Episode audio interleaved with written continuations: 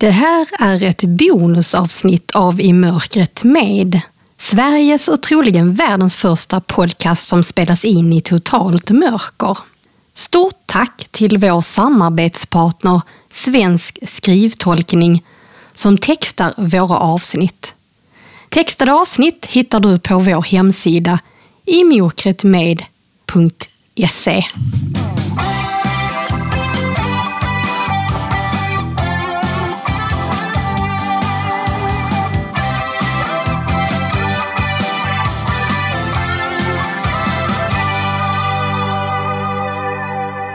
Hej allihopa! Anna Bergholtz här och vi på Mörkret med är tillbaks med ännu ett bonusavsnitt som vi hoppas ska pigga upp under pandemin. Jag sitter hemma i mitt sovrum just nu och spelar in. Och jag har ringt upp tidigare gäster för att höra hur de har det. Men innan vi kör igång med dagens avsnitt så ska jag koppla in Ulf som äger Svartklubben. Alltså den mörklagda restaurangen där vi vanligtvis brukar göra i mörkret med. Ulf befinner sig i sin studio på Södermalm här i Stockholm. Det är ju mycket rekommendationer från eh, Folkhälsomyndigheten och så Ulf. Hur går det för dig att hålla avståndet som blind? Ja, alltså jag kan väl säga så här att eh, 90 procent av tiden går det alldeles utmärkt för då är jag inomhus och för mig själv eller på, på ställen där det bara är ja, men, som att jag är med min Maria och då vi två kan ju vara i samma rum utan att det, utan att det gör något. När jag går på stan, det är ju inte helt lätt och, och för det, det bygger på att andra, att andra håller avståndet till mig. Det, jag kan ju inte riktigt styra över när jag går på en trottoar. Det, det är ju så. Gör de det då? Jag tycker det. Till i en väldigt hög grad. Sen kan jag tycka ibland, eftersom jag är en av dessa människor som tillhör släktet Södermalmare, så kan jag ju känna ibland när jag går förbi en utservering att jösses vilken skock av människor som sitter på den här utserveringen. Det kan inte vara att de sitter med en avstånd som, som egentligen rekommenderas här. Så kan jag tycka ibland och då kan jag känna också att en utservering, den lilla snuttrottoar som är kvar som jag får gå på, det är inte direkt några två meter till nästa, nästa människa där eller en och en halv meter eller en meter. Eller, utan de, de sitter väldigt tätt på mig där. Men jag tycker ändå att det nästan alltid lyckas väldigt bra att hålla avståndet. Jag tänker att eh, du har väl ändå den här fördelen att du går med vit käpp. Jag tänker att folk flyttar sig kanske lite mer. Jag upplever inte att de riktigt gör det när jag går med hunden alla gånger. Så jag är ganska nojig om alltså att jag håller ju ut min käpp vet du. När jag har hunden på vänster sida i selen och så håller jag ut käppen på höger sida. Du vet, mm. sticker ut den så att folk ska hålla sig utanför käppen. Det är inte två meter kanske för käppen är ganska kort, jag är inte så lång men det är i alla fall lite så. du tar hela trottoaren helt enkelt. ja. Ja, men det är såklart viktigt att kunna se det komiska i det svåra som sker just nu. Men det är ju också väldigt många som mår dåligt. Alltså vad ska vi göra åt det, tänker du? vad har du för tips till alla de som tycker det är jobbigt? Det är viktigt som musikskapare, då, vilket jag är i grunden. Alltså när jag gör musik så måste jag ha grunden i att jag gör skriver låten för min egen skull, för att jag älskar att skriva låtar. Det är därför jag skriver låtar. Eh, och jag tycker att den tanken tycker jag man kan ta med sig vad man än håller på med. Att jag gör det jag gör nu för min egen skull, för att jag ska må bra och för att det här är någonting som stärker mitt liv. Och då spelar det ingen roll om, om man ger omsorg till en blomkruka eller om man skriver en pjäs. Det är inte så noga egentligen. Men att ta tiden till att göra saker som, som känns bra. Det, alltså det kan lika gärna vara att ta en promenad i skogen och njuta av att vara i skogen. Det, det är väl egentligen det där att, att kanske förvandla det som kanske normalt sett kanske kallas för oro till förväntan eller glädje. Eller, alltså, omvandla känslan i din kropp till att göra en, en, en bra grej av det som du gör. Helt enkelt hitta någon form av ljus i det mörka. Ja. Något som jag också håller på med i dessa tider det är ju att jag har, eh, jag har fått en förfrågan för väldigt länge sedan om att, eller än fler har frågat om, om det inte jag borde skriva en bok om hur, hur det här med Svartklubben, hur den kom till och allt sånt där. Så jag har liksom, eh, också det har jag tagit mig tid till nu att, att sitta och skriva på det. Så jag, jag kastas mellan lite olika saker, att spela in låtar och skriva låtar, men också att skriva på den här boken. Jag vet inte om den blir klar och jag vet inte vad jag ska ha för förhoppningar, men jag har väldigt roligt och jag tycker det är väldigt intressant att sitta och titta på gamla datum och anteckningar eh, och, och fundera över vad det är som har hänt under de här åren när jag har hållit på med Svartklubben. Och såklart att det, boken ska också innehålla någon slags eh, berättelse. Hur, hur eh, kom jag till den punkten att jag att jag börjar, börjar göra det här mörkerkoncepten. Så att det är liksom någon slags, eh, blir som att skriva en biografi också på ett sätt. Att berätta om hela mitt liv.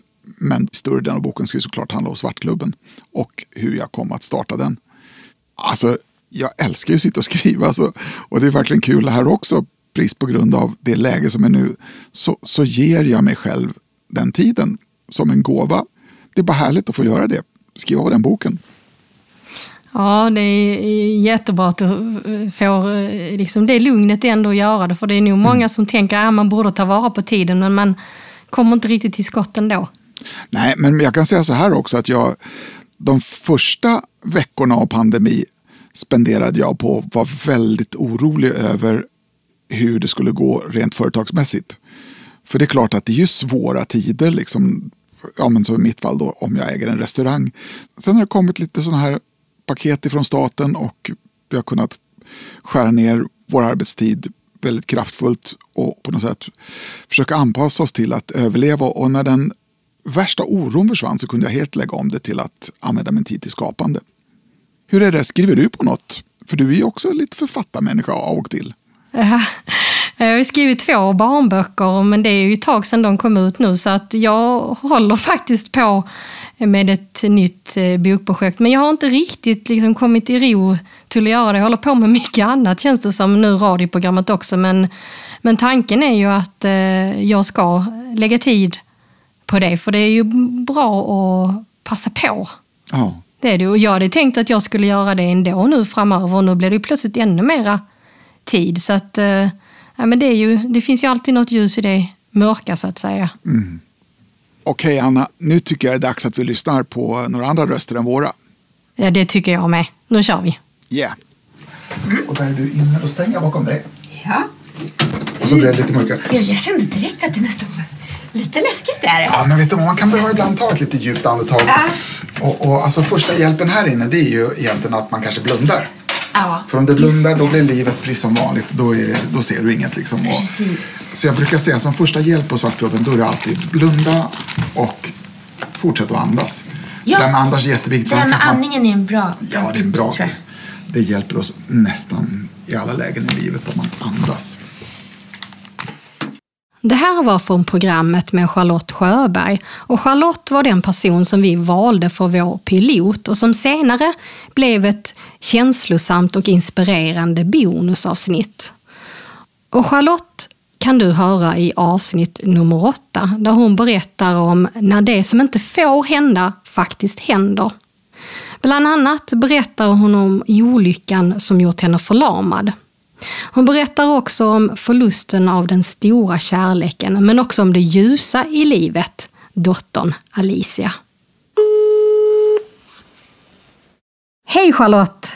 Hallå, hallå! Hur är läget med dig? Jo tack, men det är väl eh, hyfsat bra. Solen skiner idag och det känns, känns ganska härligt. Um, jag lämnade dottern på förskolan i morse och fåglarna kvittrade och sådär, så då blir man på gott humör. Ja.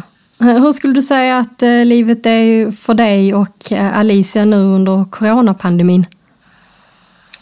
Ja, men för Alicia är det nog liksom som vanligt tror jag. Hon går på förskola och sådär, men jag tycker att det har varit ganska tufft.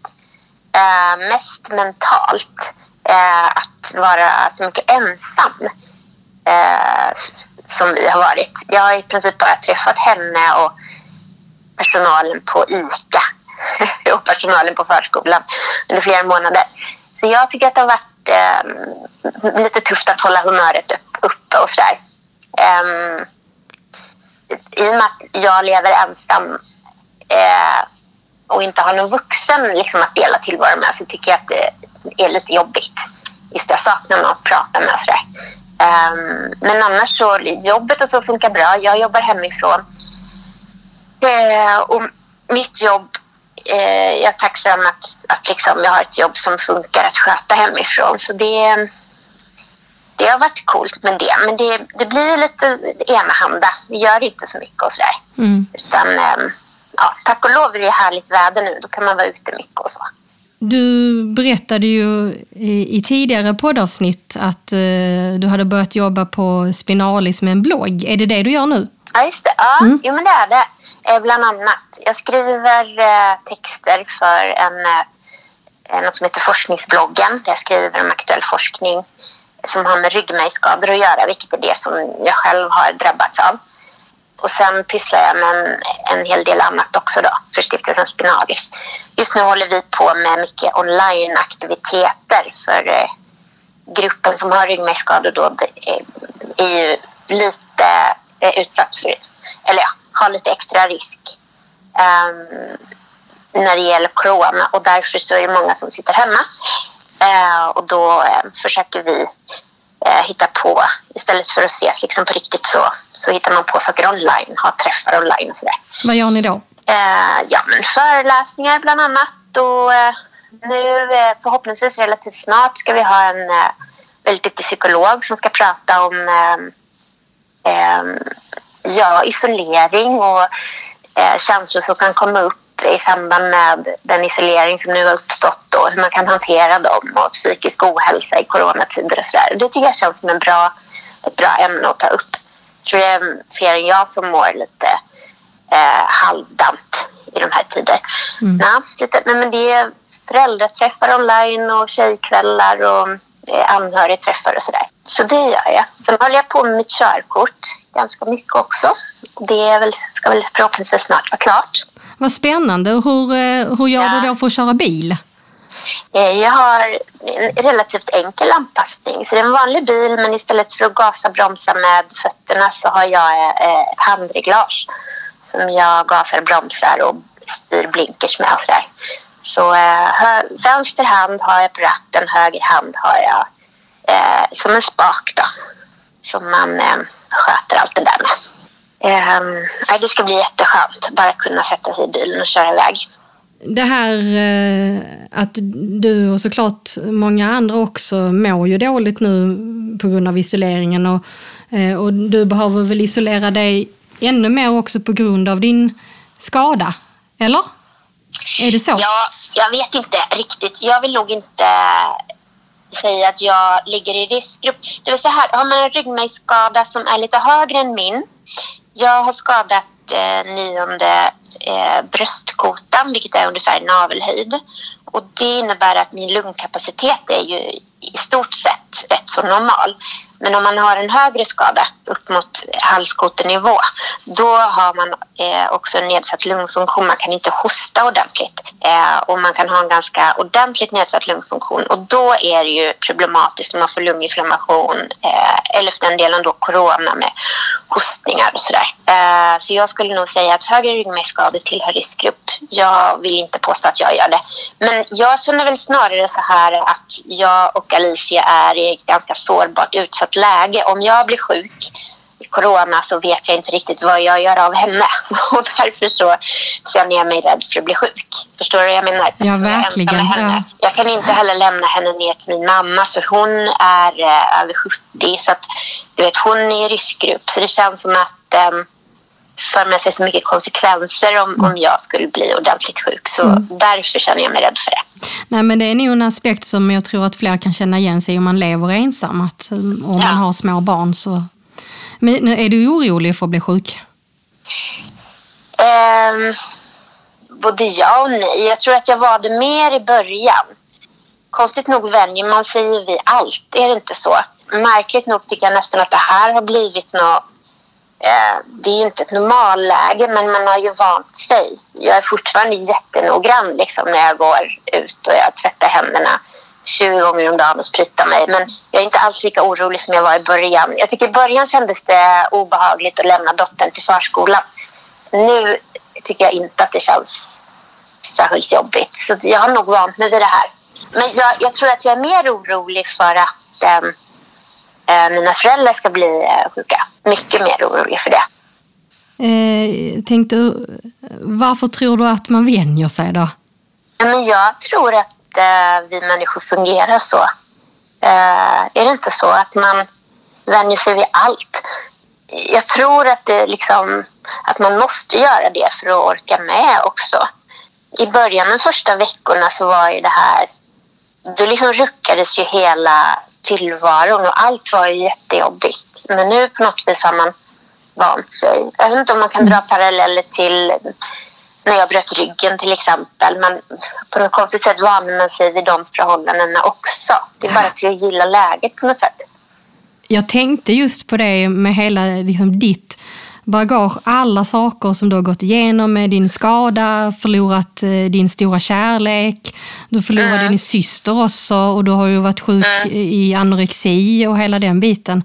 Tror du att eh, det också tror, gör att du hanterar det bättre? Att, jag tror att jag kanske mm, har användning för eh, de erfarenheterna.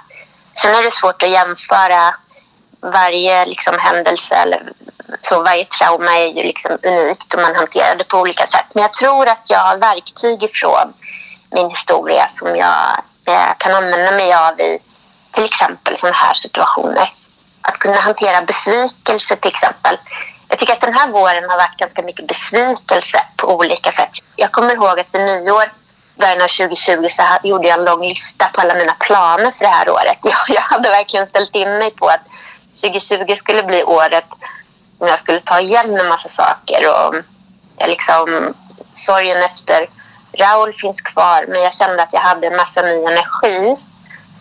Uh, och att det liksom var dags att börja leva igen på något sätt. Och jag bokade en resa. Jag skulle bjuda min mamma till Teneriffa och det var en massa bra saker som skulle hända mm. 2020.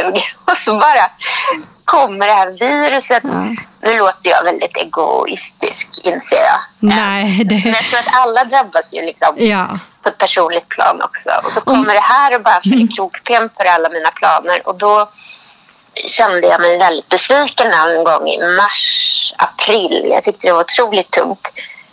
Um, men sen är det väl bara liksom till och jag vet inte. Man får liksom ladda om och så får man inse att det är nya spelkort nu och då eh, får man, det blev inte som man tänkt sig men det kan bli bra ändå. Just den där äh, mantrat har jag nog med mig sedan tidigare. Det blev inte som jag hade tänkt men det kan bli bra ändå. Eh, och jag tänker liksom, man måste ju tillåta sig att eh, eh vara ledsen och besviken också men att det kanske inte fastnar i det. Ja, precis. Uh. Ja, men precis. Mm. När eh, du var med i mörkret och sen så följde ja. vi upp med att jag besökte dig och Alisa. Då var ju Alisa liten. Eh, ja. Kan du berätta hur Alicia är idag? Ja, om jag inte minns fel så var hon pytteliten när du besökte mig. Ja. Idag är hon, hon fyllde två år i april. Hon är en väldigt kavat och nyfiken och eh, pratig liten tjej som går på förskola och älskar det. Och hon älskar blommor. Hon plockar blommor varje dag just mm. Uh, och hon är väldigt, liksom, väldigt mycket en person. Hon har gått från att vara bebis till att bli en, en liten tjej. Ja, oh, härligt. Så det är väldigt roligt. Det mm. händer väldigt mycket. Oh. Uh, hon är också lite trotsig just nu. Det är väldigt mycket, jag vill inte. Jag kan ju berätta att eh, avsnittet med dig eh, sen tidigare, det är ett av våra mest lyssnade avsnitt. Jaha, mm. oj vad roligt. Varför tror du ja. att det är det? Varför tror du att folk har velat lyssna på din historia?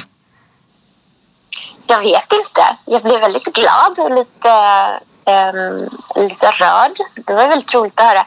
Jag vet faktiskt inte, Anna. Mm. Um, jag hoppas att jag kanske inger någon form av um, Eh, jag vill ju gärna inge någon form av eh, vad ska jag säga, positiv energi eller hopp och visa att saker och ting kan bli bra även om de inte blev som man hade tänkt sig och att man kan ta sig upp eh, ur jobbiga saker i livet och sådär. Det är väl det jag vill förmedla och då hoppas jag att jag kanske lyckas i alla fall delvis med.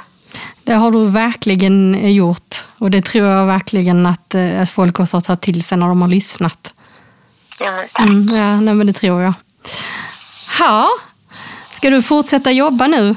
Hur ser dagen Det ut? ska jag. Jag ska fortsätta jobba. Ehm, och så ska jag hämta Alicia. Imorgon kväll ska jag faktiskt... Jag har skaffat barnvakt så då ska jag ut och segla. Det ska bli otroligt skönt. Gud vad härligt. Ditt stora intresse. Ja, det är mitt stora intresse. Som jag inte har gjort så mycket de sista två åren, tre åren. Men imorgon ska jag ut på Baggensfjärden och sätta segel. Ja, ljuvligt.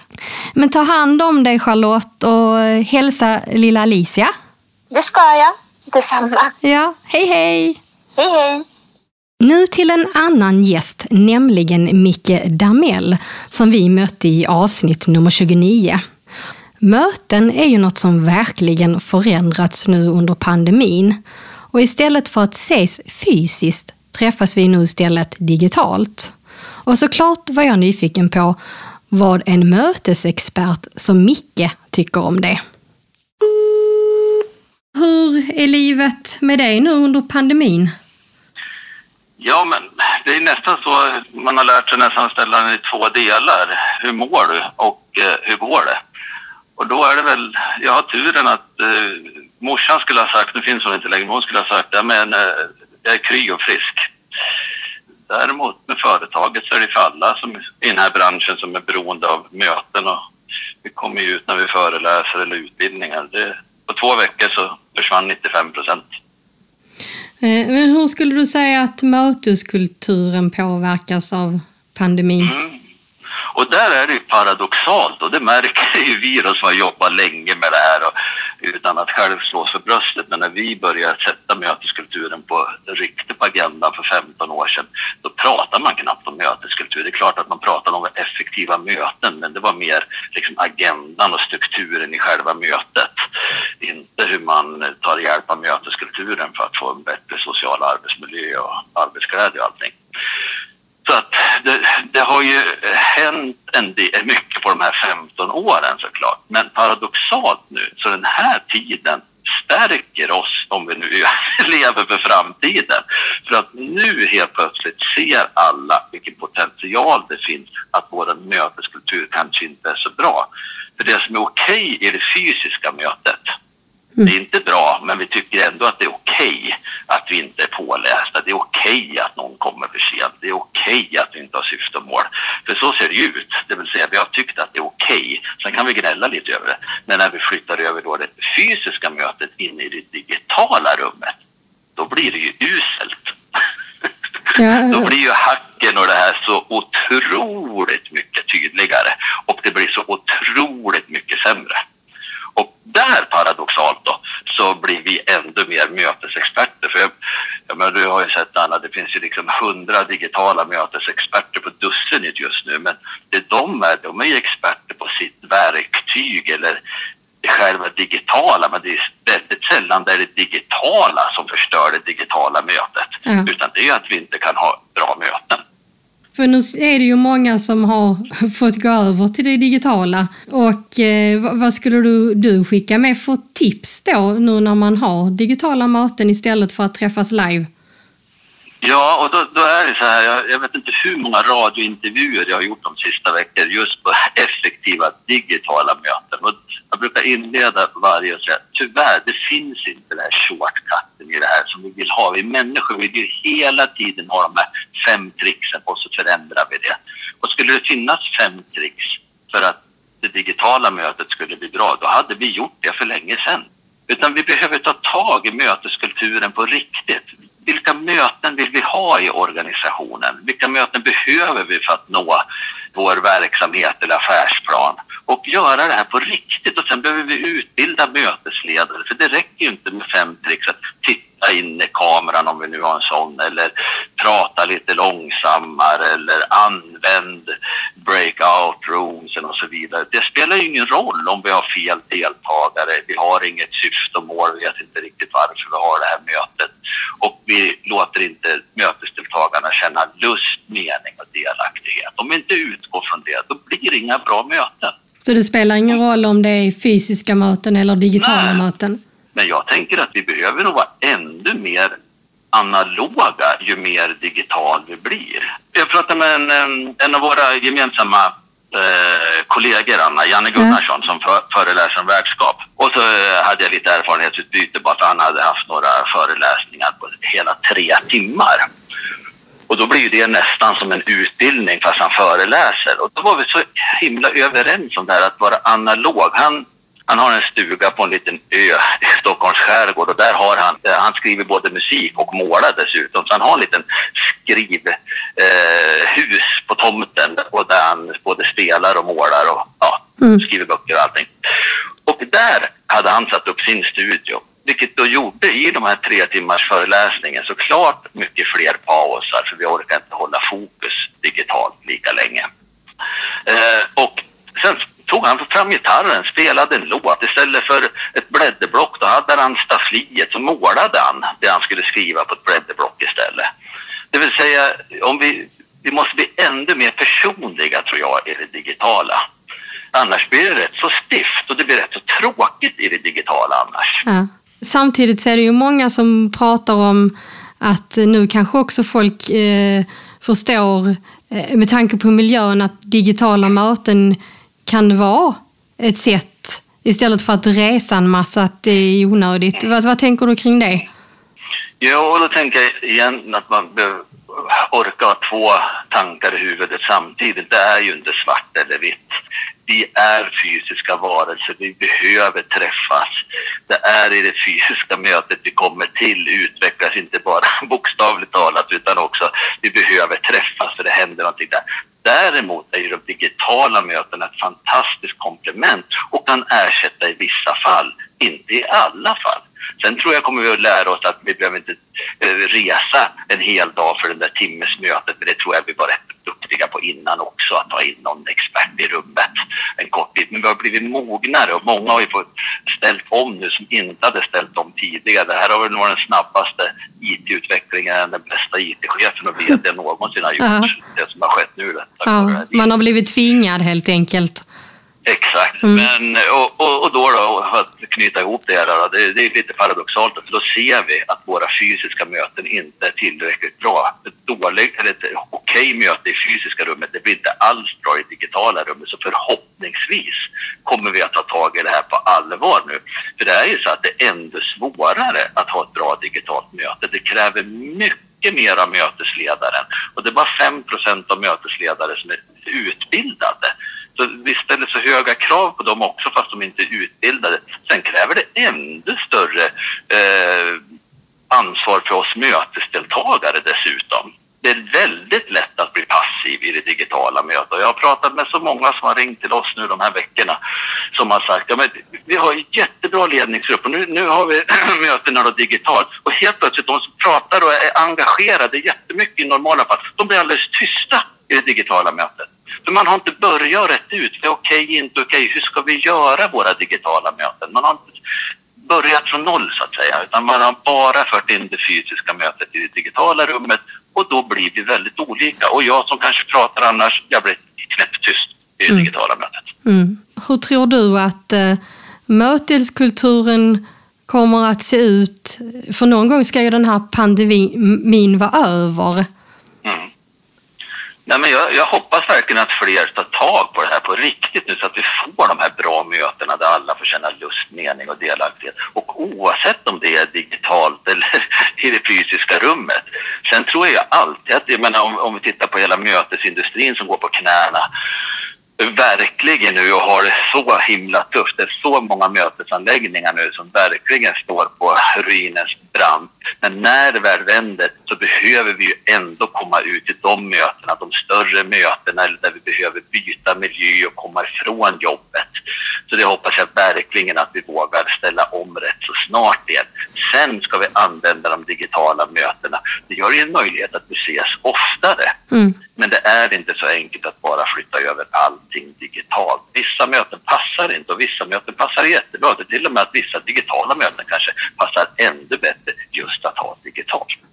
Jag själv som eh, också såklart har fått ha en hel del digitala möten nu. Mm. Jag kan tycka att det finns fördelar med det för att ibland känner jag att äh, men jag orkar inte vara med på den där utbildningen för då måste jag resa dit eller jag orkar inte lyssna på den där föreläsningen eller vara med på det mötet för att äh, då kommer jag stå och vänta där på färdtjänsten som aldrig kommer och, och sådär. Det är ju enkelt nu att klicka in på en länk och så är man med ändå. Så jag tänker att jag skulle nog eh, hoppas på att eh, lite mer digitala möten efter det här men såklart så måste ju möteskulturen i sig bli bättre överhuvudtaget. Men som du säger, det är ett bra eh, komplement och jag tror att vi kanske kan få till eh, att man kan vara med lättare. Alltså det är ju också så här om man bor i en annan del av landet så kan man Men samlas. Precis. Jag var med på en av talarförmedlingarna, alltså heter Skillspartner. De har en frukostklubb några gånger per år. Så var jag med i den när de hade den i Göteborg i, eh, i februari. Och det var fullsatt, men det var ju under 50 personer för rummet var inte större, men det var fullsatt. Sen nu då så hade man nästa i Stockholm och så fick jag vara med på den också nu i april. Och då var ju den digital. Och då var det över 300 anmälda. Alltså, vi nådde ju hela landet. Det var, liksom, det var folk uppe från Luleå och en satt till och med i Belgien och tittade. Ja, visst. Så vi, Ja. vi nådde ju liksom sex gånger så många kunder, de nådde sex gånger så många kunder som fick möjlighet att ta del av mina smakprov och tack vare det här. Så Ja. det är klart att det finns en fantastisk möjlighet i det här i alla fall. Men det jag vill trycka på lite grann ändå, för idag, i debatten blir det oftast nu är paradigmskiftet här, nu övergår vi bara till digitalt. Nej, vi är människor. Vi behöver träffas, vi behöver liksom känna energin i rummet Ja. precis som när du och jag satt i, på Svartklubben i den Ja. första podden, så Yes. kände ju vi, trots att vi, det var helt svart, jag, jag men du ser inte mig, men jag såg inte dig heller, så kände vi varandras energier på ett annat sätt. Ja, men det, det gör nu. man ju. Och, och Ja. det är ju klart, eh, man saknar ju att träffa människor nu. Det gör man ju. Ja. Eh, men du, en eh, återblick till när du var och hälsade på oss i mörkret då, Micke. Vad tog du med Ja. dig därifrån nu när du har fått smälta det lite? Jag tyckte det var jättehäftigt att sitta där i mörkret eh, med dig. Men, jag, jag, jag tyckte att jag lyssnade på ett annat sätt då. Och så spelar du piano. Åh, du, den hade jag ångest faktiskt. Jag, jag, jag, jag vågade inte lyssna själv på avsnittet, men det var ju bekanta som gjorde det. Och så sa men inte visste jag att du var så bra pianist, så du måste ha klippt ihop det jäkligt bra. För kom ihåg att vi satt där tio minuter innan jag fick, fick, ur mig några ackord överhuvudtaget. Ja, men jag klippte, klippt, antar jag. men det lät ju väldigt bra också när du väl kom igång. Tack så jättemycket, Micke. Tack själv, Anna.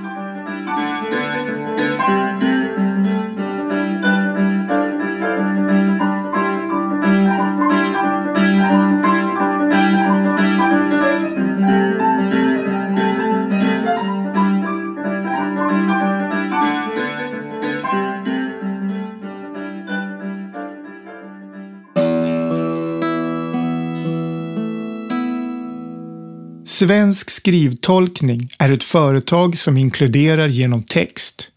Företaget levererar skrivtolkning, transkribering, liveundertextning och undertextning till flera av landets ledande organisationer.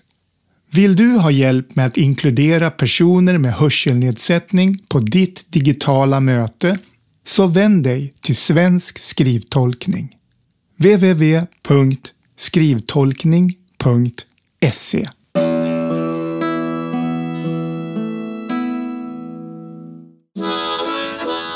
Ja, jätteskönt. Jag tycker om att sitta här och spela. Jag får komma hit oftare och öva. Ja, men nu tar du fram gitarren. Ja, men Ja, men underbart. Okej då, ska vi dra en blues eller? Ja. Ah, perfekt. Helt... Yes.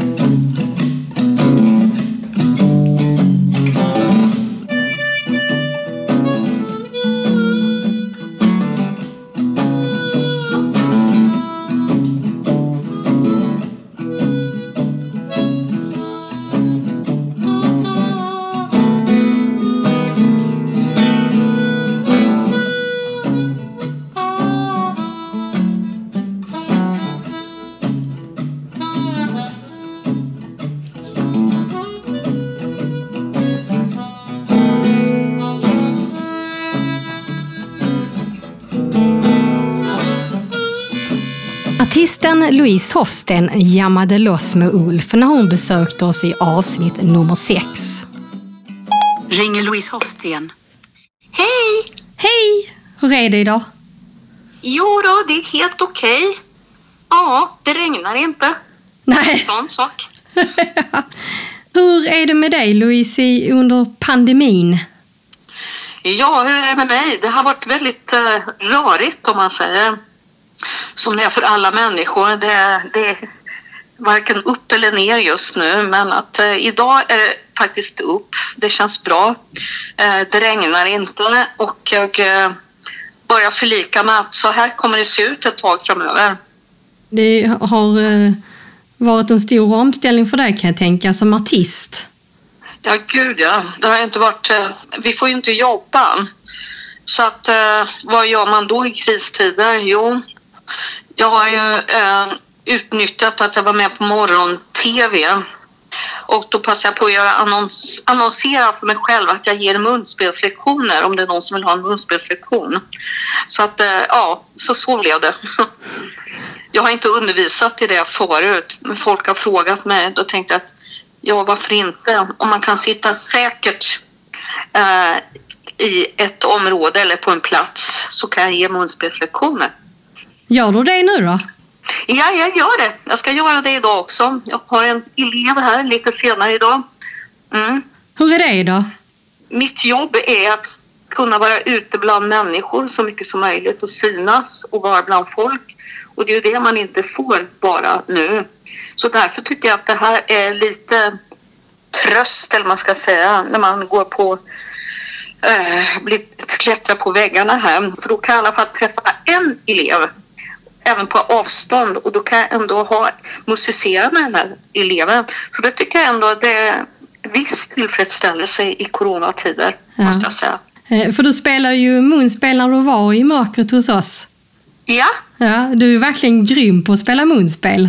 Nej, jag är du- väldigt måttlig om man säger. Jag kan inte säga jättemycket, men det lilla jag kan kan jag lära ut. Ja, för, eh, hur, hur svårt eller lätt är det att lära sig att spela munspel då? Ja, vad säger du om att ta en lektion hos mig? Ja, precis. Tanken har slagit mig. Att det. det kanske man Ja, skulle det göra gör någon det. gång. Det är klart. Det, det är ju ett klart coolt det ska. instrument. Ja, men eh, fundera på det. Ja. Ja. Ja, hur ser eh, dina dagar ut annars då? Ja, det, en del säger liksom att det är fantastiskt, jag har en massa tid att skapa. Och, men det handlar inte om det. det. Det handlar om att överleva här nu. Och, eh, mina dagar är väldigt basic. Jag handlar mat, jag, jag går och handlar så att säga. Fast det ska man inte göra så mycket då. Men jag försöker inte gå för ofta på mataffären. Men hur som helst, jag handlar och så står jag i köket. Jag har flyttat in till köket helt enkelt. Så jag är husad nu för tiden. Eh, Men du har ju släppt en ny låt. Ja, jag gjorde det. Det här var ju meningen att det skulle kommit ut ändå. Och så kom coronapandemin och eh, saboterade mina planer. Men så tänkte jag liksom, äh, fasen, jag släpper en singel i alla fall. Och det här är en låt egentligen som skrevs för länge sedan. Så det var märkligt nog ändå kändes det väldigt aktuellt nu. En vacker värld heter den. Ja. Vad handlar den om och vad är bakgrunden till den? Det, här, det var jag och Peter Lemark som pratade för länge, länge sedan. Och det här var också när Trump blev ny president och det hände massa saker i världen och i samhället. Det var ju det som är själva grunden till den här låten. Så att eh, egentligen är det inte så vackert om man säger. Det är väldigt hemskt egentligen faktiskt.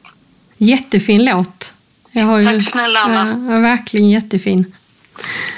Det var ju ett tag sedan du var och hälsade på oss i mörkret nu och då. När eh, vi såg så skulle du ju vara med i Så mycket bättre.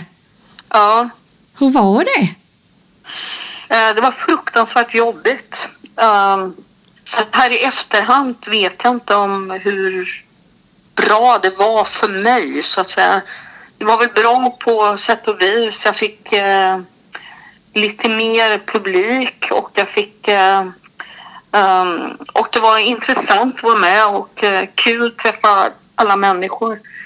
Eh, men det var fruktansvärt stressigt och jobbigt. Eh, så att, eh, men okej, man blir en erfarenhet rikare. På vilket sätt eh, var det jobbigt? Ja, det är en oerhört stress och press i man, man måste leverera hela tiden. Uh, det är väldigt mycket jobb med det. Och det började redan på våren så man började förbereda med låtar. Och uh, nej, det, det var väldigt stressigt. Det var in, egentligen inget bra uh, att gå in i det för mig som är extremt stresskänslig. Och jag kan tänka mig att eh, på plats där också så var det väl långa inspelningsdagar och högt ja, tempo. det var det och lite sömn. Men nu har jag gjort det i alla fall.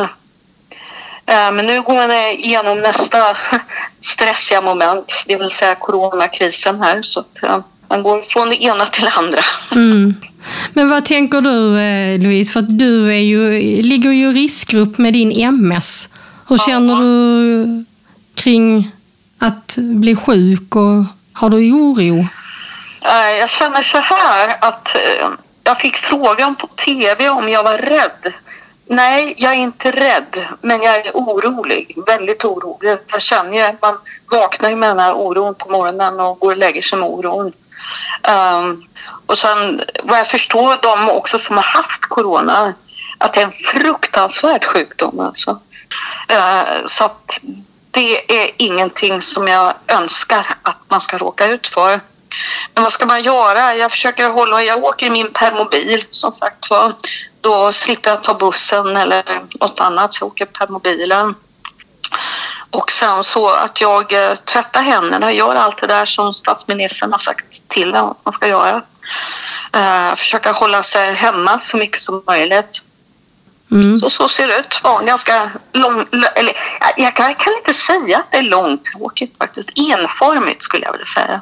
Ja, det är ju bra uttryckt. Eh, Det här är ju någonting som jag, som jag uttryckte i tv. Jag är ju proffs på att vara sjuk. Liksom. Så att eh, jag, jag, kan, jag kan hela svängen om man säger. Också de redskap man behöver för att eh, överleva så att säga. Jag är ganska bra på det måste jag säga själv. Har du några tips till folk som lyssnar och som tycker att den här tiden är väldigt jobbig?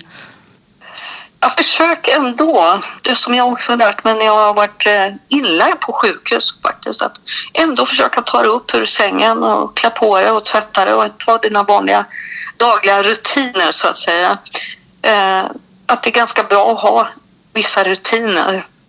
Och sen se till att få i alla fall ett fniss om dagen. Ja, och du gav mig ett fniss när jag satt och tittade på tv. Du måste ju berätta om permobilen. Du vet vilken historia jag menar va? Ja, jag vet vad du menar, Anna. Jo, nej, det var så här att jag skulle åka ner till Eriksdalsbadet för att uh, simträna. Och då tänkte jag att jag ska ta en liten genväg dit. Då. Eh, och jag körde fel så att jag hamnade på motorleden och det var inte så lyckat. Och folk tutade och tutade och tutade och insåg att oj, hjälp, jag har kört fel. Det här är ju livsfarligt. Då försökte jag köra av. Men det fanns ingenstans jag kunde köra av utan var bara att fortsätta att köra rakt fram medan de tutade. Så jag körde ända till slottet. Där först kunde jag vända.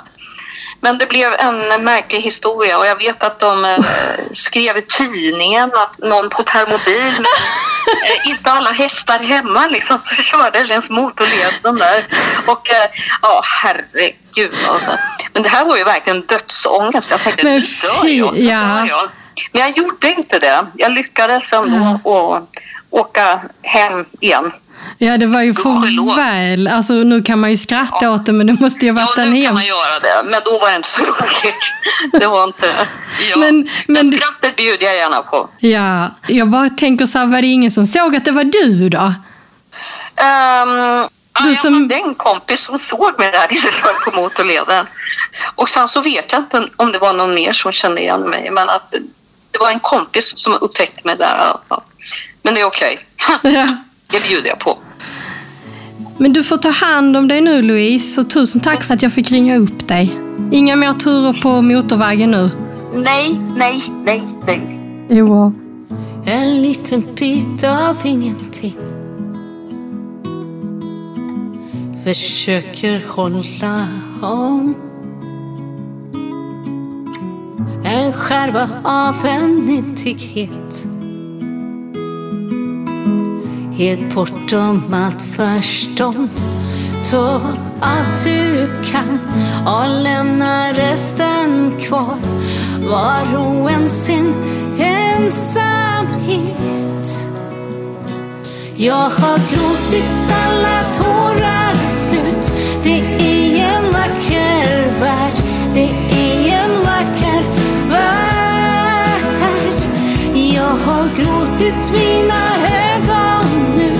Det är en vacker värld. Det är en vacker värld. Med en stolthet ligger röde kvar i ett förvridet skrin. Med en längtan ligger inlåst nu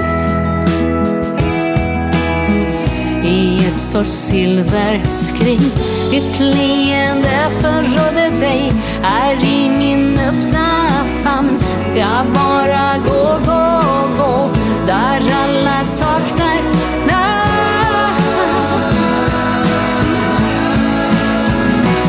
Jag har gråtit alla tårar slut.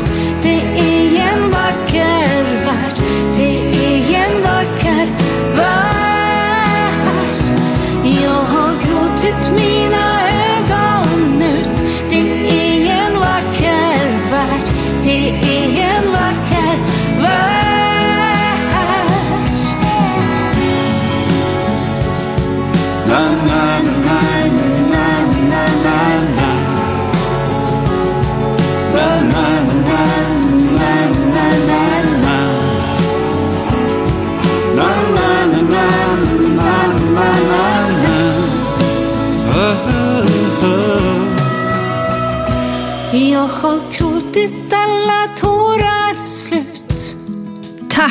för att du lyssnat.